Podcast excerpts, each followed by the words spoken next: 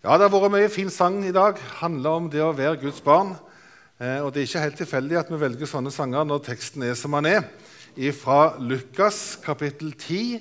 Og Vi skal lese sammen fra vers 13 til 16, og da reiser vi oss. Og de bar små barn til ham for at han skulle røre ved dem. Men disiplene truet dem som bar dem. Men da Jesus så det, ble han harm og sa til dem.: La de små barna komme til meg. Hindre dem ikke, for Guds rike hører slike til.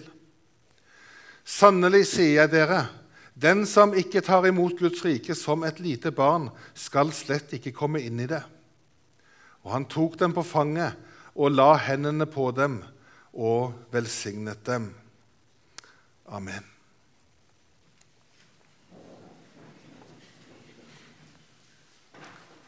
Dette er en tekst som eh, her i Misjonshuset om ikke tales over så mange ganger, så blir han lest en del flere ganger enn akkurat når det tales.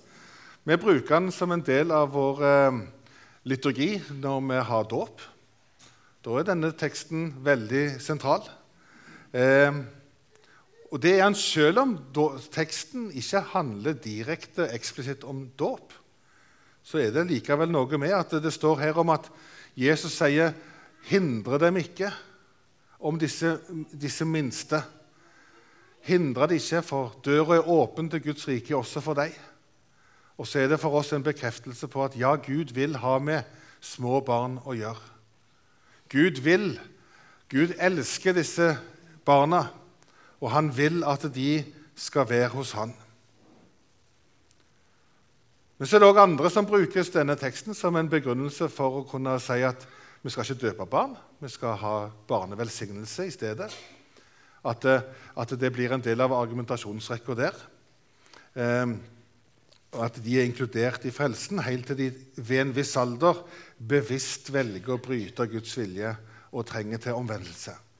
Jeg skal ikke begi meg inn på noen diskusjon om det, men, men, eh, det er i hvert fall en tekst som, som, eh, som mange har sterke meninger om men som vi i hvert fall kan enes om én ting, nemlig det at Jesus han støter ikke bort barna. Disiplene, når de ville hindre disse som bar barna, de handla ikke på Jesu ord. De gjorde ikke som Jesus ville når de ville hindre barna fra å komme til, til Jesus. Og jeg synes det, det, var jo flott det som du Ingar, sa om at Jesus ble, ble ble skikkelig sint. Her står det sånn passe dempa ord. Han ble, han ble harm. Eh, han ble noe, noe, mer enn harm, ja. Jeg tror nok det. Han ble skikkelig provosert når disiplene kunne finne på å stoppe, stoppe veien for disse barna. Her er det altså noen foreldre tror vi i hvert fall det. Det er lett å tenke det. og Vi er jo vant med disse bildene som vi ser av, um, av Jesus med mange små barn rundt seg. Og så står det noen mødre rundt der, og kanskje også en far eller to. Men, men uh, vi er liksom vant med å tenke at det er foreldre, men det står jo bare at det var noen som bar barna der opp. da. Men de som altså bærer eller fører sine barn til Jesus, de vil at skal få, de skal få en velsignelse av ham. Um, og det var i deres tid så var det en helt naturlig ting å, å, å be om. Rabbien, hadde, eh, som Jesus ble regna som, han hadde mange ulike oppgaver, en rabbi. Bl.a. å undervise og, og, veilede folket i troen, men også å, å nedbe velsignelse over de som ba om det. Så det var en helt naturlig ting å gjøre. Hvis de hadde fått et inntrykk, godt inntrykk av Jesus og tenkte at denne, denne rabbien han har vi lyst til å, å, gå til for at han skal legge hendene sine på barna våre. At det kanskje hadde noe ekstra betydning for dem. Um, jødene er veldig opptatt av det den dag i dag. Ved inngangen til sabbatsmåltidet, eh, eller starten av sabbaten, eh, så i hvert fall er det tradisjonelt og fortsatt veldig uh, vidt praktisert at eh, at den aronittiske velsignelsen blir bedt over barna. Denne som er lyser over forsamlingen hver søndag, den, eh, den er egentlig retta mot barn. Bare hør hva som står her i 4. Mosebok. Der står det sånn Herren velsigne deg og bevare deg. Herren la sitt ansikt lyse over deg og være deg nådig. Herren løfte sitt åsyn på deg og gi deg fred. Slik skal de legge mitt navn på Israels barn, og så vil jeg velsigne dem. Dette er en bønn som er vanlig for en eh, jødisk far å be over sine barn på sabbaten. Og gjerne så eh, eh, avslutter de bønner med for guttene må Gud gjøre deg lik Efraim og Manasseh. Eller for jentene, døtrene, må Gud gjøre deg lik Sara, Rebekka, Rakel og Lea.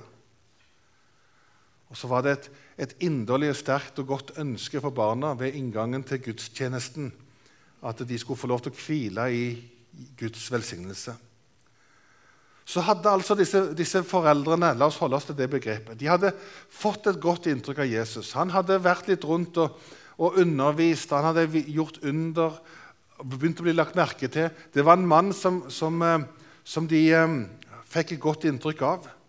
Derfor ville de at han skulle velsigne. Og en velsignelse, ja, hva er det for noe? Um, vi bruker ordet i mange ulike sammenhenger.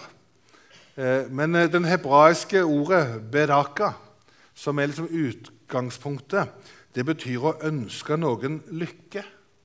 Det er noe, å, å, ønske at noe godt skal flytte inn i et annet menneske. Du vil de det beste. Og så, Når du da ber Guds velsignelse inn i et menneske, så er det det beste Gud kan gi, som du da eh, ber for dem. Og Det samme i det greske ordet evlogia. Det betyr å tale vel om. Eller å tale gode ord eller ønsker inn i et annet menneskes liv. Så når de kommer til Jesus og sier kan du legge hendene på, på, på eh, barna våre, så sier de kan du gi det beste Gud har å gi til disse barna.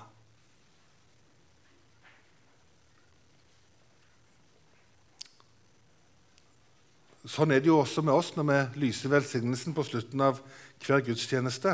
Da er det et sånn hellig øyeblikk eh, der vi får talt Guds gode ønsker inn over livene våre.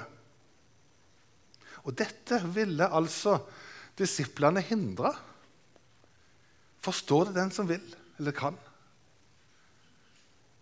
Mot alle rådende normer, mot alt det som var vanlig så ville ikke disiplene at Jesus skulle bli forstyrra.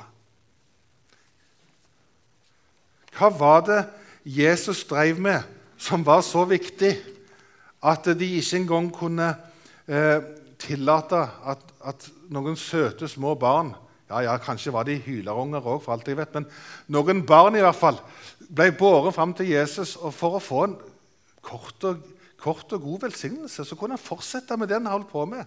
Hva var det som var så viktig? Var det den samtalen han var midt oppi?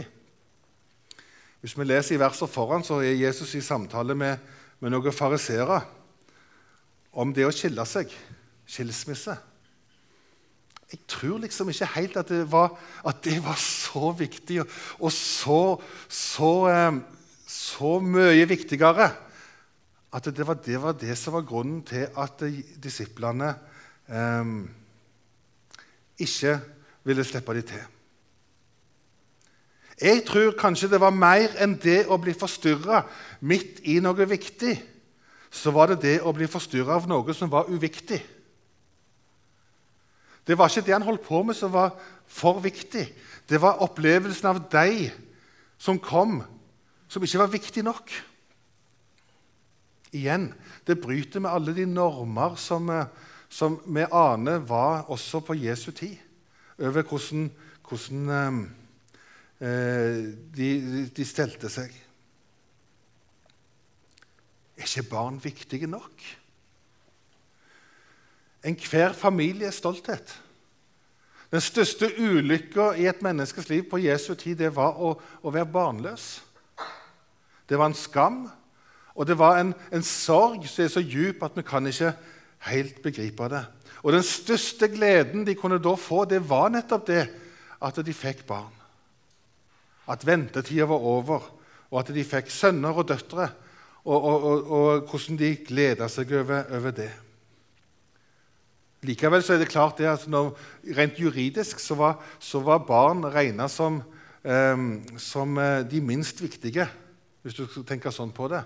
Deres ord bar ikke noe troverdighet i, i, en, i en, offentlig samtale, f.eks. Som vitner så var de ubrukelige. Eh, men, men, barn og det å, det å ha barn i, i, i, familien, i slekta, det var veldig viktig. Så det var ikke det at barn ikke var viktige. Men mon tro om ikke vi òg noen gang kan havne litt i den der, den der um, eh, fella. Jeg tror det var verre før. Jeg husker For en del år tilbake så var det sånn, skulle det være et kretsmøte eller skulle det være et årsmøte i Misjonshuset, eller skulle det være noe, så, så, har vi masse planer for det, og så har vi barnepass. Vi har noen som tar ungene vekk, så vi får fred, og så, og så setter vi på en video til deg. Det har jo vært litt sånn.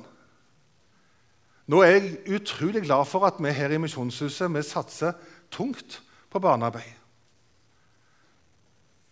Riktignok stuer, vi de ned i kjelleren i noen eh, bomberom som er lufta så som så. Vi har, eh, bruker mye ressurser på oss voksne òg.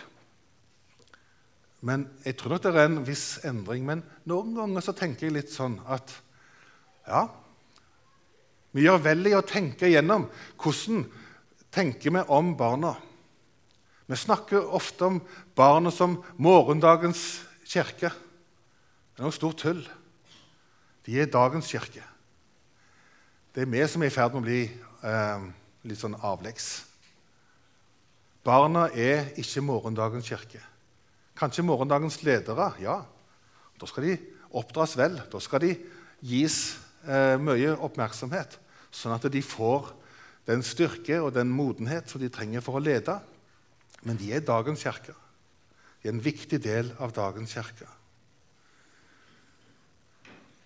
Disiplene har strevd litt med å finne ut av dette som er Jesu hovedbudskap, eh, nemlig det å slippe alt og ta imot alt av bare nåde. I kapittelet før det vi leste fra i dag, så er det en, en, en eh, historie fra vers eh, 33. De kom til Kapernaum, og da han var kommet inn i huset, så spurte han de, hva var det dere snakka sammen om på veien. Men de tidde, for på veien hadde de snakka med hverandre om hvem som var den største av dem. De, de var litt opptatt av sin egen posisjon. Hvordan kommer jeg ut av denne her situasjonen? Um, husker en episode fra når vi bodde i Kenya. Vi bodde på Voi i den sørlige delen av Kenya. og Da hadde vi fått kontakt med en god del eh, unge muslimske gutter, unge menn, som ville bli kristne. En veldig spennende tid for oss helt ferske misjonærer. Knota på swahili som en fireåring, og så skulle vi plutselig være vitner om, om den evige frelse. Og Det beste vi gjorde, var jo bare å skyfle de videre til noen som kunne dette språket. Men vi fikk lov til å være med og observere den veien de hadde å gå for å bli kristne. Og vi opplevde at både fra vårt arbeid på Voi og nede i Mombasa, der Øyvind og Reidun Aasland og Helge Arnfinn Røyland var stasjonert, så opplevde vi at det var ei gruppe med unge menn som, som ønska å bli kristne. Og Vi inviterte de til en samling nede i Mombasa på, på en av stasjonene der for å, for å, ha bibelundervisning. To uker skulle vi sette av så de kunne få grunnleggende undervisning. Og Etter noen få dager så begynte vi å høre det at når de hadde fri, så satt de og spekulerte seg imellom hvem som kom til å få den menigheten eller den menigheten eller den preikeplassen. De var på karrierejakt, de. vet du. De skulle bli store prester de, før de visste ordet av det. Eh, det var ikke det som var vår tanke. Men de hadde allerede i seg dette her med hvordan skal jeg få noe ut av dette. her? Ikke rart at disiplene hadde det på samme vis. De hadde en rabbi som var blitt veldig populær. En rabbi som det ble snakka mye om. De var next in line. Det er klart det at de tenkte hvem som var størst. Så kommer altså Jesus når han får høre De tør ikke engang si det til han. De forstår jo at det er galt, det de sier, tenker. Men Jesus han, eh, der i kapittel 9 så, så, kalte han de til seg og så sa han det at om noen vil være den første, skal han være den siste av alle og alles tjener. Så tok han et lite barn og stilte det midt iblant dem, og han tok det armene, eh, tok det på armene og sa til dem.: Den som tar imot et slikt lite barn for mitt navns skyld, tar imot meg. Den som tar imot meg, tar ikke imot meg, men han som sendte meg. Disiplene de var opptatt av sin dannelse. De var opptatt av sin posisjonering. Og Når da disse foreldrene kommer med barn for å bryte inn i det de holdt på med, sånn at Jesus skulle ha oppmerksomheten på deg, ja, så ble jo de satt litt til side. De ønska å fokusere på seg, sånn at de skulle bli viktige. Men det er da Jesus blir harm. Så gale er det. Tenk det. Jesus ble eitrende sint. Han Han ble så provosert at han sa til dem ah, ah, La de små barna komme. Vil ikke ha noe hindring her. La de små barna komme til meg. De hører til her. Dette er ikke et prestasjonsfellesskap der vi blir mer og mer verdige en plass høyt oppe med bordet jo mer vi får utretta. Dette er et relasjonsfellesskap. Og Her spørres det ikke etter rabbistatus. Forrige søndag var vel teksten eller var det to søndager si, om, om Jesus i møte med Nikodemus. Denne, denne eh, skriftlærde som, som, hadde, som, hadde, så mye kunnskap, og som kom til Jesus og, og, lurte på hvordan det kunne henge sammen måten Jesus tenkte på. Han visste alt, han. Han kunne alt.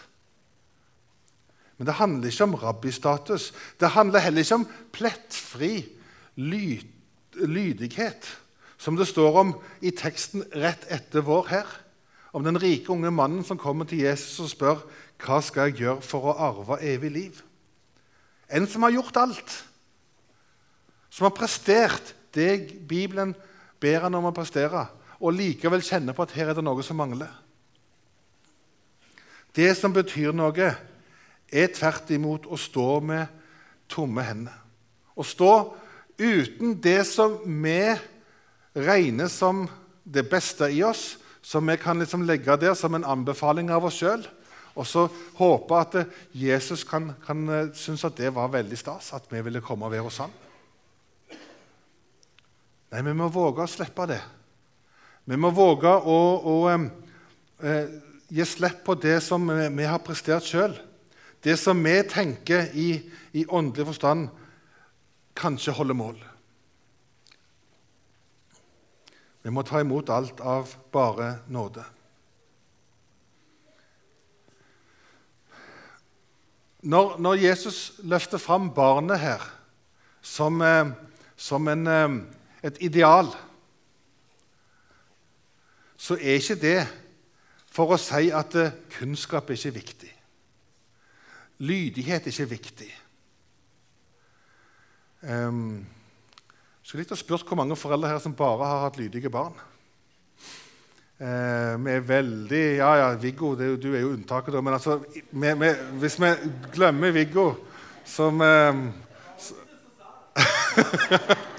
Ja, men hun vet jo sjøl hvor plettfrie Nei, altså Hvor mange av oss har, har, det? Hvor mange av oss kan si med hånda på hjertet at mitt barn det er et englebarn? Eh, ja Vi glemmer jo med åra, da. ikke sant? Når, sånn som Nå er yngste våre blitt 18 år og har fått lappen, og der sitter gamle Tone og gamle Eivind hjemme og har ikke bil lenger, for de skal ut og kjøre bil. Og Da kan vi tenke tilbake på å, så flott det var når barna var små og uskyldige. Ah, hadde vi vært veldig ærlige med oss sjøl, hadde vi tenkt at den U-en i uskyldige den, eh, den henter vi fram i festtaler, men den er ikke helt sann. Hva er det med barna som, som gjør at de er et så godt bilde på det som vi skal ta imot, eller som et ideal for oss. Det er ikke det at de oppfører seg eh, plettfritt, for de gjør jo ikke det. Men det er det at de, de eh, står der uten prestasjonene. De tar imot uforbeholdent. Og så Ja, var jo Ingar inne på det, at det er jo noen ganger at når de ikke får, så de, kan de bli sinte av det òg. Men eh, det er noe med, du, vi skjønner bildet av det å ikke ha alle disse prestasjonene, alle disse uh, mastergradene, alle disse årene på CV-en som viser hvor flinke vi har vært, og likevel blir inkludert helt og holdent i, i, um, i Guds rike. Så, så, mer enn å løfte fram barnet og barnets eh, liv som en ideal, så tenker jeg at dette er en oppfordring til oss om å legge av det som vi tenker gjør oss til noe mer enn barn. At vi kan få legge av de tinga som vi syns er tålelig bra, men som dessverre ikke holder mål i den hellige Guds øyne.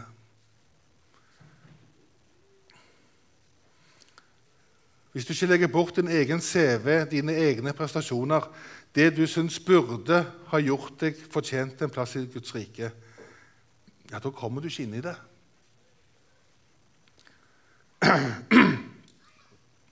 Vi skal få lov til å legge av de lagene, eller de, de, de merittene, som vi tenker er så viktige, og så stille oss fram for Han som lengter etter å velsigne. Han som blir opprørt når, når noen vil hindre det. Han som kjenner på at det, her er det noen som stopper meg i å gjøre det som jeg mest av alt vil, nemlig å velsigne. Han som vil at vi skal få ta imot alt av bare nåde. Guds rike hører barna til, og jeg er regnet med, synger min sang. Guds rike hører de til som ikke kommer med sine prangende liv, men de som trenger å ta imot av bare nåde. Og Da blir versene som jeg leste fra 1. Johannes brev, eh, så flotte, syns jeg. Se hvor stor kjærlighet Faderen har vist oss, at vi skal kalles Guds barn. Og det er vi. Mine kjære, nå er vi Guds barn, og det er ennå ikke åpenbart hva vi skal bli. Vi vet at når Han åpenbares, da skal vi bli ham like, for vi skal se ham som han er. Hver den som har dette håp til ham, renser seg selv. Tenk å få eie dette håpet. At eh, til tross for alle de tingene som gikk galt i livet, til tross for alt det som vi ikke lyktes med, ja, til, til, og med det som ble så bra som det kunne bli. Det skal vi slippe å liksom, løfte fram som, som, eh, som, noe ekstra. Vi skal få lov til å bare legge det av, glede oss over alt som gikk godt. Få lov til å legge av det som gikk galt. Og så er han der og tar uforbeholden, imot oss alle sammen. Jeg tror at det er noe i den dur denne teksten prøver å fortelle oss. At vi skal få komme som barn. Ikke barnslikt, men barnlig. Som et tillitsfullt vesen som tar imot alt det som den gode far vil gi, i trygg forvissning om at han vil det beste for oss alle. Skal vi be. Far, vi takker deg for at du tar imot oss som dine barn. Vi takker deg for at du ser ikke etter våre meritter. Den dagen vi lykkes, den dagen vi mislykkes, så endrer ikke din godhet og din kjærlighet til oss seg det grann. Så skal vi få lov å leve for og med deg, uavhengig av hva vi produserer. Uavhengig av hva vi eh, blir til. Men så vil du gjerne bruke oss i ditt rike. Du vil gjøre disiplene til noe mer enn noen som har misforstått. Du vil gi dem en tjeneste, du vil gi dem en utrustning. Og det ber vi òg om for vår del, at vi kan få den utrustningen til å stå i din tjeneste. Og så ser du barna våre her i forsamlingen. Du ser barna rundt omkring i de ulike fellesskapene i byen. Må du utruste ledere, de som tar seg av barna, at de ikke bare stuer dem vekk mens det skjer noe viktig i hovedsalen, men at de kan bruke de anledningene til å peke på deg, til å gi dem et møte med deg som blir livsforvandlende. Takk for at vi skal få lov å be om det. Må du òg kalle flere arbeidere ut. Og må du gi barna våre og være gode eksempler også for oss i hvordan vi skal følge deg. I Jesu navn. Amen.